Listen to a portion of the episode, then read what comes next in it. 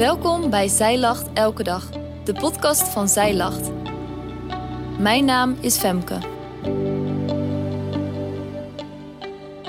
Dit is de overdenking van 25 februari, geschreven door schrijfster Marijke Gootjes Verhoeven. Ken je dat?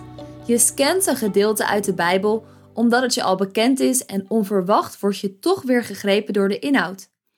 Ik had dat bij het lezen van Esther. Ineens vroeg ik me af waarom Esther niet meteen met de deur in huis valt als ze naar de koning gaat om een verzoek in te dienen.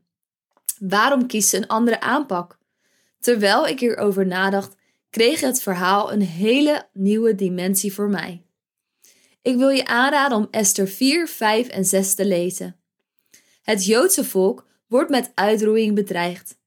Esther moet als koningin de koning om genade smeken en bij hem pleiten voor haar volk. Ze neemt een risico door ongevraagd naar hem toe te gaan, maar de koning voelt zoveel genegenheid voor haar dat hij naar binnen laat komen.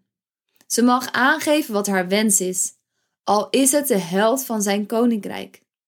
Wat een kans! Ik zou meteen met de deur in huis vallen en zeggen: Mijn leven en dat van mijn volk wordt bedreigd. U moet ingrijpen, koning, u moet mij redden. Maar weet je wat Esther zegt? Als het de koning goed dunkt, laat hij dan vandaag nog samen met Haman naar het feestmaal komen dat ik voor hem heb bereid. Tijdens de maaltijd vraagt de koning opnieuw wat ze wenst en herhaalt ze haar eerdere verzoek. Morgen zal ik doen wat de koning verzoekt en mijn wens uitspreken. Waarom deze omweg? Waarom zo geduldig afwachten en een eerste een maaltijd? En dan nog een keer een maaltijd. Je zou denken, er is geen tijd te verliezen. In Esther 4 lezen we dat zowel Esther en haar dienaressen als alle Joden die in Susa wonen, drie dagen vasten voordat Esther naar de koning gaat. Hieruit blijkt dat zij zich afhankelijk weet van God, ook al wordt hij nergens genoemd. Esther's keuze om niet met de deur in huis te vallen is dus niet willekeurig. Er is sprake van wijsheid en vertrouwen op Gods voorzienigheid. In de tussentijd vinden er namelijk een aantal gebeurtenissen plaats die een belangrijke rol spelen in de ontknoping. Haman, die de uitroeiing van Joden bedacht heeft, wordt steeds hoogmoediger. De koning kan niet slapen en laat zich voorlezen uit de kronieken. De conversatie tussen de koning en Haman, waarbij Haman denkt dat het over hem gaat, terwijl Mordechai het betreft, de pleegvader van Esther. De eer die Haman aan Mordechai moet bewijzen. En de conclusie die zijn vrouw en raadgevers trekken. Je zult opnieuw van Mordechai verliezen, omdat hij tot het Joodse volk behoort. Ineens kreeg ik een nieuw inzicht. De laatste opmerking is een teken van genade. Haman had kunnen weten dat hij de God van Israël niet kon verslaan. Hij was gewaarschuwd. Niet alleen door de geschiedenis, maar ook door zijn eigen vrouw en raadgevers. Hij had berouw kunnen tonen en vergeving kunnen vragen. God geeft ruimte voor vergeving, maar die moet je wel aannemen.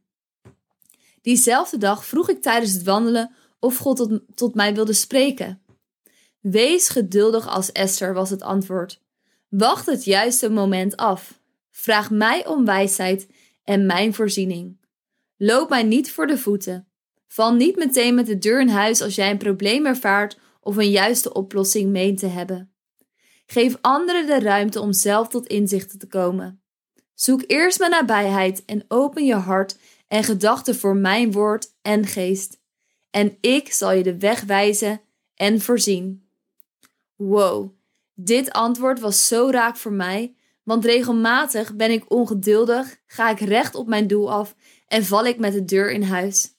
Ik kan zo een aantal situaties noemen die op dit moment spelen in mijn leven, waarbij ik het juiste moment moet afwachten en waarbij ik mijn afhankelijkheid weet van God.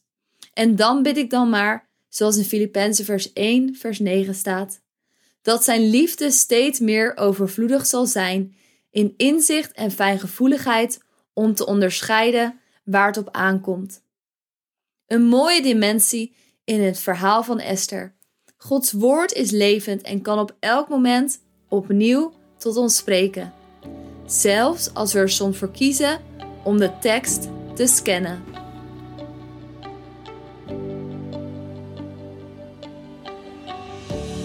Dankjewel dat jij hebt geluisterd naar de overdenking van vandaag. Wil je de overdenking nalezen? Check dan onze website. Je vindt er ook meer toffe dingen die jou helpen om de Bijbel vaker te openen, zoals boeken, Bijbels, cursussen en evenementen. Morgen ben ik weer bij je terug met een nieuwe overdenking. Tot dan!